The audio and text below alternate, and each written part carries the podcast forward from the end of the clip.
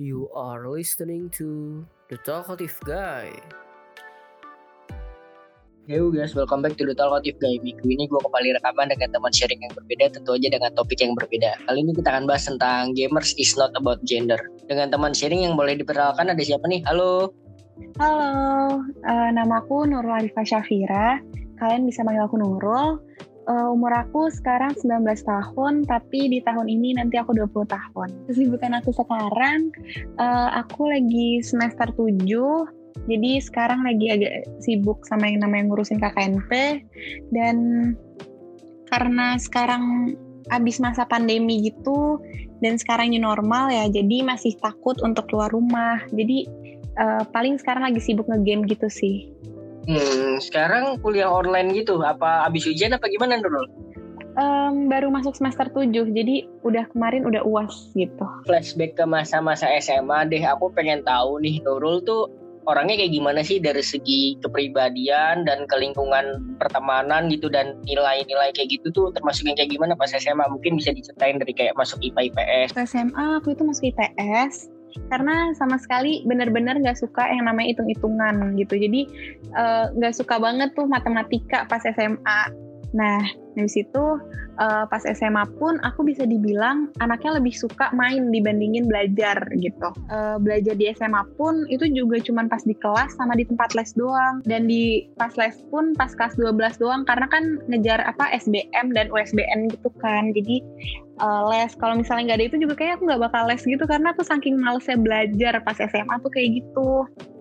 Hmm, nah ya, uh -uh, tapi uh, itu pun lesnya juga suka banget bolos. Jadi ya udah deh gitu deh. SMA emang bener-bener main banget gitu.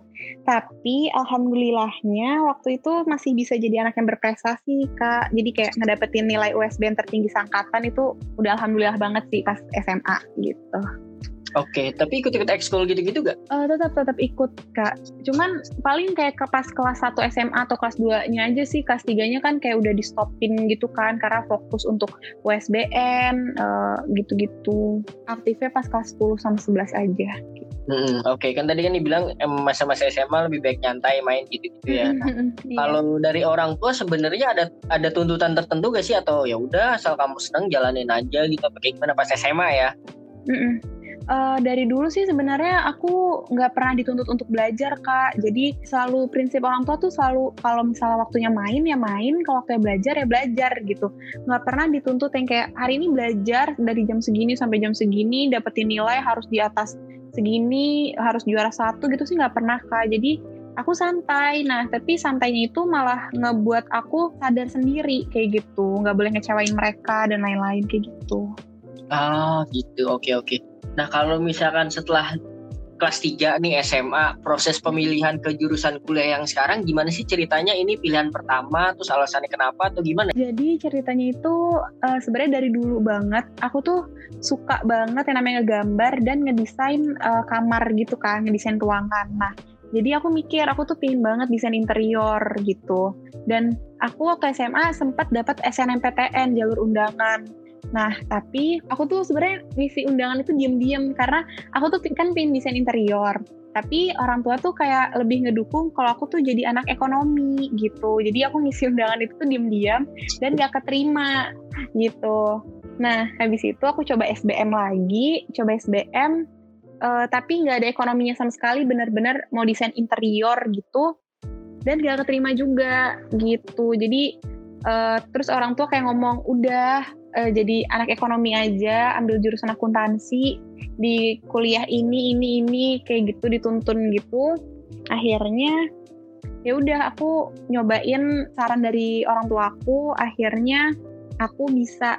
Tapi dan itu akhirnya nggak tahu kenapa mungkin doa mereka aku jadi bisa masuk jurusan uh, ekonomi gitu, akuntansi di salah satu universitas negeri di Malang gitu. Walaupun aku harus ngerelain mimpi aku jadi desain interior gitu. Oh gitu, oke okay. Terus selama tujuh semester ini struggle struggle di kuliah tuh apa sih mata kuliahnya atau pergaulannya atau fine fine aja nih? Uh, Sebenarnya struggle banyak banget kak. Kan aku masuk IPS itu kan gak mau hitung hitungan kan. Tapi yeah. pas kuliah pun aku malah disuruh hitung hitungan akuntansi gitu. Kan jadi kayak struggle banget aku nggak suka tapi aku harus ngejalanin gitu Jadi bisa dibilang juga aku tuh pas kuliah ini nilainya termasuk yang kayak pas-pasan gitu. Nggak jelek, jelek enggak, bagus juga enggak, pas-pasan gitu. Jadi ya jalanin aja sih demi ngebanggain orang tua gitu. Hmm, dan selama ini ya fine-fine aja gitu ya, mulai dari segi nilai segala macam ya. Iya. Oke, nah emang uh, Nurul asli Malang apa gimana sih? Enggak, enggak. Aku asli Jakarta. Cuman emang keluarga tuh kebanyakan di Surabaya. Uh, keluarga besar di Surabaya. Jadi mungkin aku kayak disuruhnya udah di Malang aja ada universitas bagus. Uh, terus nggak jauh juga dari keluarga kalau ada apa-apa bisa dibantuin dan semacamnya. Mungkin gitu ya kak. Mikirnya orang tua aku tuh kayak gitu. Hmm, jadi baru pertama kali ngerantau ini pas eh, pas kuliah apa dari SMA udah di sana juga? Enggak, dari pas kuliah ini doang baru ngerantau. Jadi beneran dilepas tuh pas uh, kuliah ini gitu. Oh gitu dan dengan ngejalanin kehidupan sendiri kayak gitu-gitu gimana? Uh, enak gak apa ada struggle-struggle dari Nurul? Awalnya struggle ya karena kan kita harus nge-manage uang sendiri, nge-manage apa pun sendiri. Kayak yang biasanya dulu pas SMA masih minta ini, masih minta itu, minta di uh, bantuin ini, bantuin itu gitu kan. Cuman pas di uh, kuliah ini jadi belajar yang namanya mandiri, bener-bener yang kayak ke kampus harus sendiri, harus apa ya apa-apa sendiri deh pokoknya. Jadi nggak bisa bergantung sama orang lain juga. Jadi dari situ sih belajar baru belajar mandirinya pas di kuliah ini gitu. Hmm, dengan tadi yang hobi desain interior kayak gitu-gitu sekarang bener-bener dikubur nggak ngejalanin apa sebenarnya masih iseng-iseng nge-sketch gitu-gitu nih Nurul? Bener-bener dikubur kak. Bener-bener udah nggak ada pikiran lagi yang namanya ngegambar atau apa. Cuman mungkin kalau lagi iseng lagi pingin ngegambar apa ya kayak iseng-iseng. Karena di kelas pun kalau misalnya lagi gabut atau apa ada gambar apa nih bagus? Ya aku gambar ulang yang kayak gitu-gitu sih kak. Cuman tapi untuk kayak nge-sketch ruangan dan lain-lain itu enggak sih. Paling cuman gabut-gabut aja gambar iseng kayak gitu Oh gitu, oke oke dah. Kalau dibandingin gitu masa SMA dan kuliah dari segi pribadi atau sifatnya Nurul tuh berubah seperti apa sih dewasanya gitu? Um, dewasanya itu mungkin karena lingkungan, karena teman, karena pengalaman juga. Jadi kayak pas dari SMA yang masih main terus gitu, kayak masih suka diingetin sama orang tua dan lain-lain pas di kuliah kan bener-bener mandiri banget. Jadi apa namanya aku juga ngerasa mandirinya lebih kelihatan gitu pas di apa pas di kuliah gitu. Kayak pengalamannya kan juga nggak dari apa segi temenan doang. Karena kita ketemu sama dari dari satu Indonesia gitu kan dari hmm. mana pun dari berbagai daerah. Jadi kita juga nyesuaiin gimana sih cara ngomong mereka tuh kayak gimana. Pokoknya nyesuaiin satu sama lain kayak gitu sih kok. Kalau misalnya um, ya pasti lebih dewasa sih dari perbedaan dari SMA ke kuliah gitu. Pemikiran juga jadi lebih dewasa lebih kayak mikirin masa depan gak mikirin cuma main-main doang yang kayak gitu sih. Hmm, lebih enjoy masa kuliah apa SMA nih Nurul? Jelas SMA kak. Oh, jelas SMA ya, masih iya. semuanya gak ada beban ya? Iya benar. Uh-uh. Oke, nah kalau ngomongin orang tua nih, orang tua tuh ngeridik Nurul tuh dari kecil seperti apa sih dan ada pesan-pesan tertentu gak yang diingat sampai sekarang? Aku waktu kecil itu nggak pernah sama sekali namanya dimarahin kak. Jadi um, jadi itu sih yang bikin aku respect banget sama mereka. Nggak nggak pernah berani yang namanya uh, ngecewain mereka. Terus sampai makanya kan aku sampai ngerelain mimpi aku jadi desain interior gitu kan buat nyenengin mereka. Aku juga gak pernah dituntut belajar sama orang tua. Jadi benar-benar sesantai itu. Uh, yang paling diinget sih mereka selalu ngomong kayak kamu tahu apa yang baik dan tahu apa yang buruk. Jadi kita percaya sama kamu uh, kamu yang ngejalanin jadi kamu juga yang bisa uh, tahu sisi yang baik dan buruk yang mana kayak gitu sih. Itu yang aku pegang sampai sekarang. Hmm gitu oke. Okay. nah ini kalau di flashback nih uh, ada momen up dan momen down nggak sih tentang apa pun itu gitu? Masing-masing satu yang bisa diceritain pas kapan dan apa gitu. Up and downnya sih baru-baru ini sih kak. Karena kalau misalnya disangkut pautinnya aku juga suka main game banget nih kak. Hmm. nah kalau disangkut pautin uh, itu ada baru-baru ini. Jadi mungkin up dulu ya karena aku beneran ngerasain upnya dulu dan langsung down gitu di game ini. Uh. jadi uh, pas upnya itu aku baru main game terus ikut turnamen satu turnamen dan bisa dibilang aku tuh kayak nggak pernah kalah gitu di turnamen itu dan jadi juara satunya gitu. Nah habis itu kayak dari situ aku dikenal gitu kan sama orang-orang kayak ih cewek main game jago yang kayak gitu kan. Nah, Hmm. terus itu up-nya banget yang bener-bener dari dari nol tiba-tiba aku dikenal gitu kayak wow hebat juga nih keren gitu kan aku mikirnya gitu. Nah, terus uh, downnya baru-baru ini aku ikut turnamen lagi dan em, itu tuh kayak awal sebelumnya aku nggak pernah kayak kan ada babak eliminasi dan lain-lain. Itu tuh Iya. aku nggak kalah aku nggak kalah. Tapi tiba-tiba pas mau masuk semifinal ada babak apa eliminasi lagi buat ke eh, buat semifinal. Itu tiba-tiba kalah dan aku jadi nggak masuk semifinal dan langsung gugur. Itu tuh aku ngerasain kayak bener-bener down banget kecewa sedih banget. Eh, kayak nggak bisa banggain orang-orang yang kayak udah ngedukung aku. Dari situ sih aku sama tim aku tuh kayak introspeksi diri kayak kenapa sih kok bisa kalah? Kenapa? Dan apa sih kurangnya kita? Kenapa kita bisa kalah kayak gini? Dan di situ aku juga ngerasain yang kayak nggak selamanya orang itu bakalan di atas terus. Kayak kalau misalnya di atas terus kita nggak pernah ngerasain apa sih yang eh, di bawah tuh gimana sih rasanya gitu. Jadi dan aku juga kayak eh, gara-gara down ini jangan eh, jadi mikir karena kita udah down jadi makin down gitu kayak down ini kita bisa bikin lebih up lagi kayak gitu sih kak jadi kalau misalnya kalian lagi ada di masa-masa down buat eh, pengalaman itu buat kalian lebih up lagi jangan malah makin down gitu malah makin terpuruk gitu sih kak Hmm, gitu. Oke, oke. Nah, dengan kayak misalkan sekarang jadi nggak hobi nge-game serius kayak gitu dan jurusan kuliahnya akuntansi, tanggapan orang tua gimana? Em, mereka dukung banget sih kak karena aku kan ngelaku, ngelakuin sesuatu hal yang positif gitu. Dan mereka selalu ngomong asal kuliah aku nggak keganggu nggak apa-apa. Kamu jalanin aja apa yang kamu suka. Asal lulus tepat waktu eh, eh, kayak gitu. Nah dan eh, terutama untuk kakak-kakak aku kalau misalnya aku ada turnamen mereka tuh pasti selalu ngedukung selalu nanyain yang kayak turnamennya tuh kapan? Pingin dong nonton. Yang kayak jadi aku punya kayak em, kekuatan sendiri gitu sih kak. Aku pokoknya harus ngebanggain mereka Eh, mereka udah ngasih kepercayaan aku buat tet- apa tetap kuliah tapi masih main game gitu. Jadi kayak aku mau ngebuktiin ke mereka kayak aku bisa gitu. Hmm, gitu. Jadi fine-fine aja ya.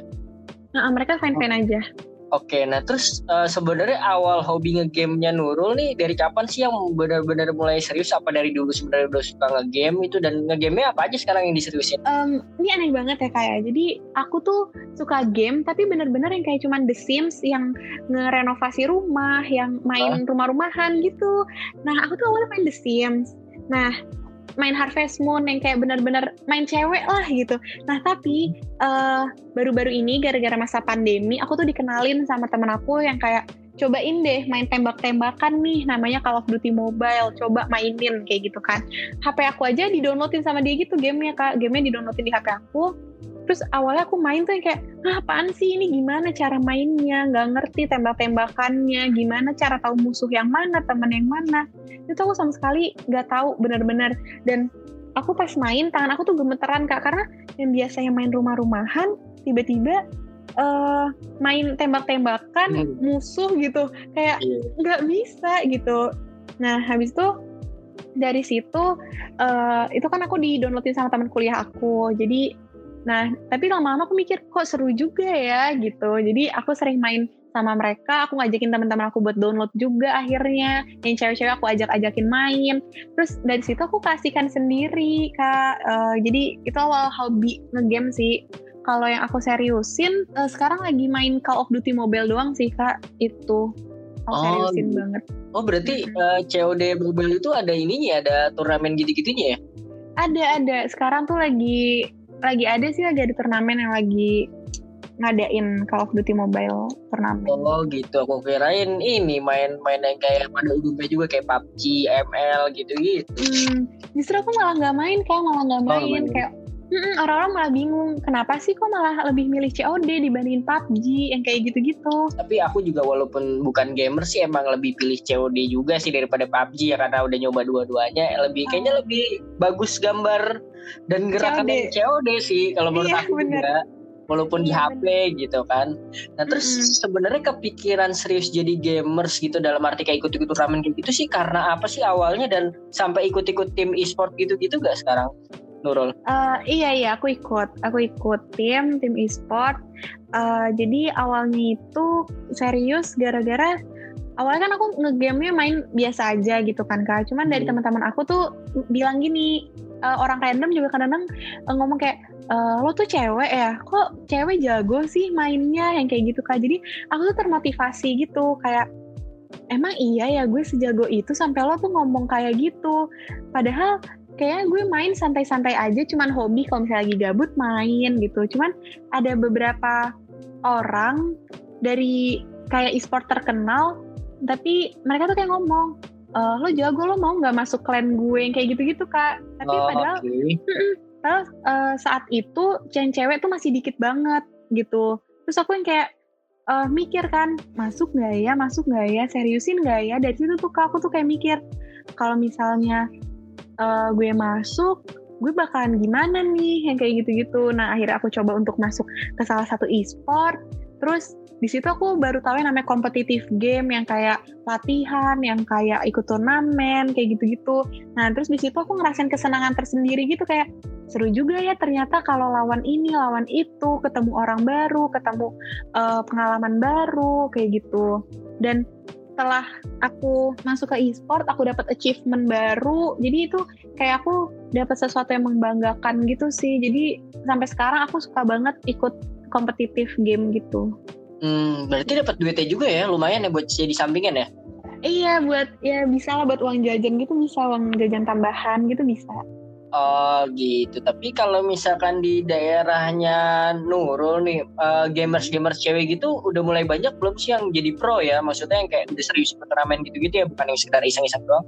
Hmm, kalau di daerah-daerahku udah banyak sih kak lumayan ya kayak pas di game pun aku jadi kenal orang-orang baru cewek-cewek baru pas aku kayak misalnya aku main game terus kan biasanya ketemu cowok-cowok ini tuh sekarang cewek-cewek juga udah banyak gitu aku ketemu random orang random cewek main tuh udah lumayan banyak gitu Hmm, oke.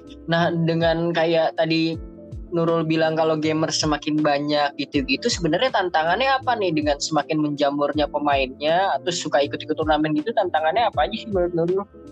Nah, eh, karena gamer semakin banyak, nah tantangannya itu tuh kayak banyak juga orang-orang yang lebih jago, yang jadi makin jago, yang jadi kompetitifnya makin susah gitu kak aku ngerasanya ya. Jadi mau nggak mau karena orang-orang makin banyak, terus makin jago juga, kita juga harus nge-upskill kita sendiri untuk menyamai mereka, bahkan harus lebih dari mereka. Itu sih kak yang saat ini eh, lagi aku alamin gitu. Harus bisa eh, nyamain sama skill-skill mereka gitu. Hmm, oke. Berarti harus banyak latihan terus ya. Iya benar. Oke, nah terus kalau misalkan menurut aku nih ya, gamers tuh identik dengan emang harus begadang dan mengas apa namanya menghabiskan banyak waktu buat latihan kayak gitu menurut Nurul bener gak sih? Eh, kalau ngabisin waktu banyak itu benar. Cuman kalau misalnya untuk begadang, aku sih bukan tipe yang suka begadang ya kak buat main game gitu enggak. Hmm. Em, mungkin kenapa identik dengan begadang karena kan kalau gamers itu kayak misalnya punya kesibukan masing-masing kayak ada sekolah, kuliah lah atau kerja. Jadi eh, pas mungkin free-nya mereka tuh pas malam gitu. Jadi mungkin mereka bisa mainnya malam. Jadi orang-orang mikirnya begadang gitu. Padahal mereka baru free-nya tuh pas malam-malam gitu. Hmm, jadi Cuman- sebenarnya bisa-bisa aja ya asal atur waktunya bener ya. Iya iya benar gitu. Oke, nah di dunia gamers eh, ini Nurul ada punya role model atau idola gak? Siapa pengen kayak siapa gitu, entah itu luar negeri atau Indonesia? karena Call of Duty Mobile itu masih lumayan baru ya kak dibilangnya jadi belum terlalu banyak orang-orang yang kayak kelihatan jago banget gitu. Cuman selama ini eh, karena aku ikut segi kompetitifnya aku suka banget sama tim dari dunia games. Cowoknya itu tuh bener-bener lincah banget movementnya kayak kok bisa sih mereka tuh sejago ini selincah ini? Jadi kayak aku termotivasi gitu pin jadi kayak mereka gitu. Hmm, Mm-mm. oh jadi pemainnya kalau COD Mobile tuh belum banyak ya? Eh, belum terlalu Oh oke oke. Terus eh, suka sama cowoknya apa sama cara permainannya nih? cara permainannya mereka kompak banget terus bercanda, kayak lincah banget Iya. Oke, nah terus kalau misalkan kayak tadi Nurul sempat cerita gitu suka dipandang sebelah mata gak sih kalau sebagai gamers? gitu kayak misalkan kalau aku ya kalau misalkan aku browsing nih gamers wanita pasti banyak-banyak artikel tuh yang menonjolkan cuman cantiknya doang. Nah kalau misalnya yang dialami Nurul tuh seperti apa sih dipandang sebelah matanya atau ada cerita lain gitu yang menarik? Um, kalau aku sih bukan karena, kalau aku ya lihatnya bukan hmm. karena uh, dipandang sebelah mata karena cantiknya gitu sih enggak sih kak. Cuman kayak uh, lebih dipandang sebelah mata karena cewek main gitu. Um, aku kan uh, sempat main random gitu lagi main terus kayak aku suka dikatain gitu yang kayak uh, ya Ella senjata lo tuh pay to win. Kalau misalnya lo nggak punya senjata itu lo juga nggak punya skill. Kayak bener-bener dibikin down gitu sama orang kayak gitu. Suka banget dikata-katain kayak ah cewek kalau main cupu beban doang kerjaannya yang kayak gitu-gitu.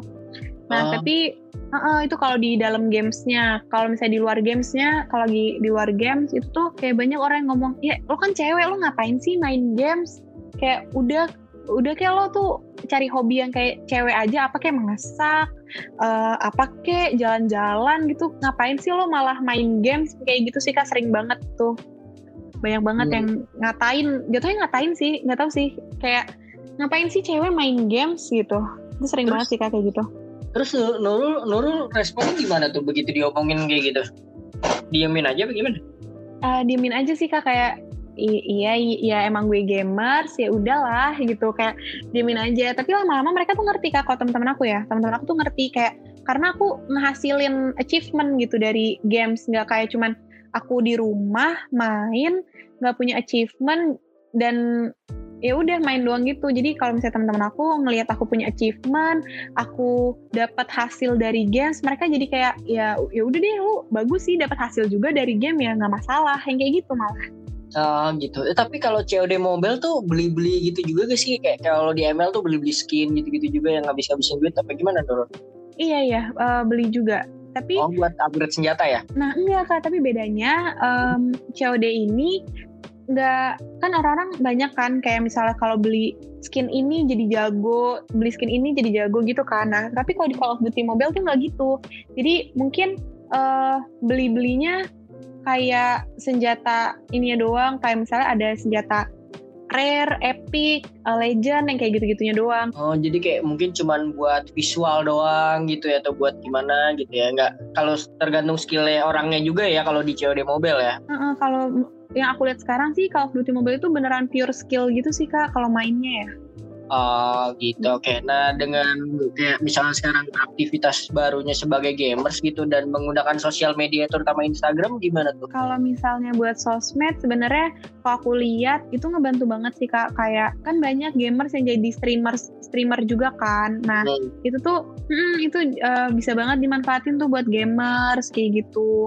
Nah kalau misalnya kan kayak mereka upload di YouTube gitu kan itu bisa ngebantuin banget gamer-gamer. Uh, aku lebih suka ngeliatin di YouTube sih kak sebenarnya kayak orang-orang hmm. banyak tuh pro player pro player yang kayak nge-upload cara mereka main, tips and trick gitu-gitu itu yang bisa kita uh, ambil sih, bisa pelajarin juga musuh ada di mana, seringnya atau gimana gitu, tips and trick itu tuh lebih suka uh, ngebantu banget, pokoknya ngebantu banget buat kita yang lagi pingin belajar kayak gitu. Kan kalau misalnya karena turnamen juga ada live uh, streamingnya gitu kan bisa ditonton hmm. ulang uh, jadi kayak misalnya kita bisa ngambil gimana sih strategi mereka uh, kayak gitu-gitunya itu sebenarnya buat sosial media untuk jadi dari segi kompetitifnya itu sih kayak gitu kak gitu. Oke okay, oke. Okay. Nah terus kalau misalkan Nurul sendiri di Instagram gitu dengan sekarang udah jadi gamers gitu. Membatasi untuk upload-upload konten Instagram nggak? Maksudnya untuk jadi game yang berbau-bau dengan game doang gitu. Apa sebenarnya masih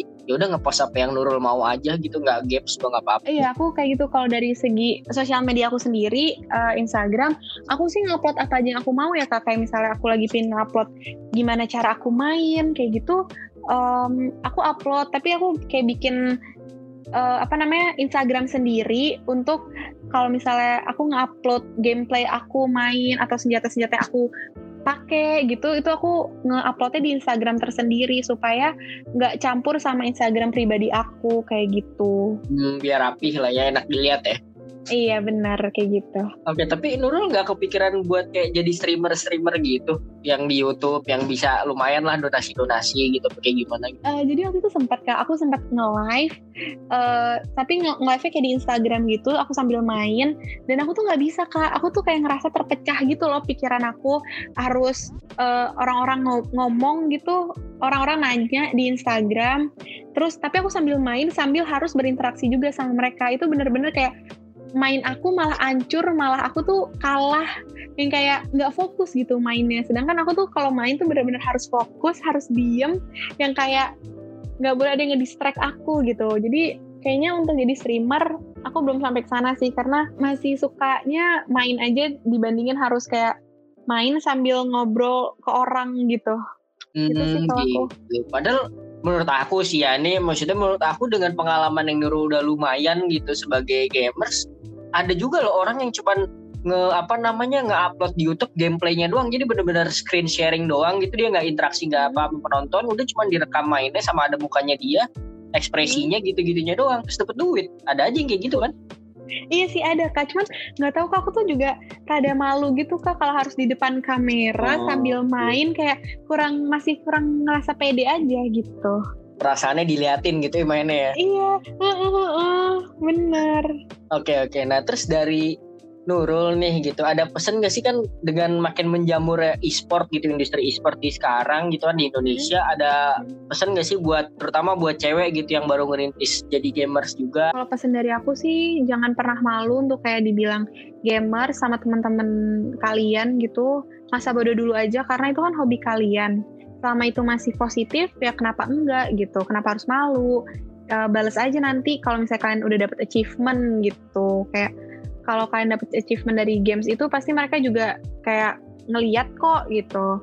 Dan uh, gamers itu juga uh, bisa juga kok dari seorang perempuan gitu nggak harus nggak selamanya gamers itu tuh cowok gitu dan uh, kalau misalnya kalian pingin kalian niat dan latihan terus kalian tuh malah bisa setara dan mungkin bisa ngelebihin uh, pro player pro player cowok gitu uh, gamers-gamers cowok gitu kalian juga bisa pasti ngalahin bahkan nyetarain mereka gitu. Oke oke dan kalau banyak latihan ya jadi bisa ngasilin pundi-pundi uang juga ya. Iya benar. Oke, nah terus yang terakhir nih setelah lulus gitu dalam dua tahun ke depan targetnya Nurul apa sih dalam segi karir mungkin? Kalau misalnya disangkut pautin ke games, kalau misalnya dua tahun ke depan aku masih bisa jadi seorang gamers yang ikut turnamen gitu sih aku sebenarnya masih pingin kayak pingin ya kak kayak eh, nggak uh, pingin ngelepasin game sepenuhnya gitu. Cuman kan hmm. pasti masih ada kesibukan hmm. kayak aku harus kerja kayak gitu-gitu kan. Jadi mungkin bisa jadi sampingan ya kalau untuk games gitu. Dan oh, um, dan aku pinginnya tuh kalau dari segi games makin banyak apa banyak banyakin turnamen uh, Call of Duty Mobile gitu untuk perempuan. Karena uh, pasti makin lama banyak banget bakat-bakat perempuan yang bisa disalurin gitu. Nah, jadi dengan adanya wadah uh, turnamen CODM perempuan, itu bisa ngebantu banget cewek-cewek perempuan-perempuan gitu untuk menyalurin bakatnya gitu. Gitu sih kak aku. Hmm gitu. Oh berarti pengen tetap kerja kantoran juga kayak gitu ya? Untuk ilmu iya. akuntansi yang kepake ya? Iya iya bisa dibilang sih kayak gitu Uh, tapi emang kepikirannya nanti kalau kerja kantoran gitu, pengennya tuh emang yang accounting, yang emang ilmunya kepake atau sebenarnya ya udah apa aja lah, marketing juga oke, okay, apa juga oke okay, gitu. Um, aku sih apa aja sih kak sebenarnya, karena untuk accounting sendiri yang kayak tadi aku bilang, aku masih kayak rada kesusahan untuk kuliah di akuntansi gitu, walaupun sekarang aku udah semester 7 udah ngelewatin semuanya, tapi kalau untuk kerja kan pasti lebih uh, banyak bebannya atau apa kayak gitu. Nah aku nggak pengen nambahin beban aku sepenuhnya gitu. Jadi mungkin kalau untuk kerja apa aja sih yang berbau akuntansi nggak apa-apa. Tapi asal nggak yang bener-bener terjun banget ke akuntansinya gitu. Paling kerja di ekonomi sih, bukan di akuntansinya gitu, nggak apa-apa tapi iseng aja nih aku kepikiran nih kalau ada pilihan terakhir gitu kan kayak mm-hmm. kerja kantoran yang oke okay, gitu kan kerjaannya Nurul suka kerjaannya tapi di belakang meja. Dan dengan tawaran masuk e-sport gitu misalkan di Jakarta atau yang gede lah terus hmm. pilih mana tuh Nurul? Bisa milih gak di antara dua itu? Harus milih tapi kalau misalnya dari aku sendiri jujur aku lebih suka games ya kak. Karena aku udah aku enjoy terus kayak nggak harus 24 jam di balik meja gitu. Aku sebenarnya lebih lebih pilih ke game sih kak tapi nggak enaknya juga kalau di games itu ya emang hidup aku cuma buat games gitu nggak ada buat yang Hmm. lain jadi sebenarnya ada plus minusnya aku juga bingung sebenarnya cuman mungkin sekarang aku lebih milih untuk game sih gitu Oh gitu. Soalnya kan sebelum aku rekaman sama kamu nih, aku nanya-nanya dulu sama temen aku yang punya e-sport gitu kan di Mhm. Jakarta. Ada namanya tim Lunanera itu isinya cewek semua. oh Gitu baru-baru juga baru setahunan lah gitu. Nah terus dia juga bilang ya sekarang industri e-sport mah bukan hanya sebagai misalkan playernya gitu, bukan bisa ngasilin duit dari turnamen doang, tapi sekarang ada jadi brand ambassador, ada masuk sponsor, Iya, ada segala macam. Jadi kayak gak cuman bisa main doang, tapi ntar bisa publikasiin apa gitu bisa dapet duit juga gitu, berkembang banget industrinya. Iya iya benar Ya, apalagi pinter juga sih kalau menurut aku tuh temen aku juga awalnya bener-bener dari nol main ML. Kalau dia baru ada ML sama PUBG di tim e-sportnya gitu kan bener-bener ngerintis Oh. dari nol dan punya spesialisasinya bagus dia cuman cewek doang. Kan jarang tuh e-sport yang cewek doang semuanya, nggak ada cowok sama Iya, iya, sekali bener. gitu kan. Udah dia ngambil segmen itu. Terakhir nih promosiin Instagramnya Nurul dong barangkali ada yang mau nanya-nanya atau sharing bareng selanjutnya gitu. Em, Oke, jadi kalian kalau misalnya mau nanya-nanya sesuatu gitu, kalian bisa eh, cari di Instagram NRL Shafira, NRL S H A F I R A. Oke, thank you nih Nurul ya buat waktu sharing-sharingnya nih menarik banget ceritanya. Iya kak, makasih juga. Oke, semoga sukses selalu dan kita bisa kolaborasi online lagi mungkin konten-konten lainnya nanti gitu kan siapa tahu. Iya. Oke, thank you guys yang udah dengerin episode kali ini sampai ketemu minggu depan. Bye bye. Don't forget to follow us on YouTube, Spotify, and Instagram at the Talkative Guy underscore ID.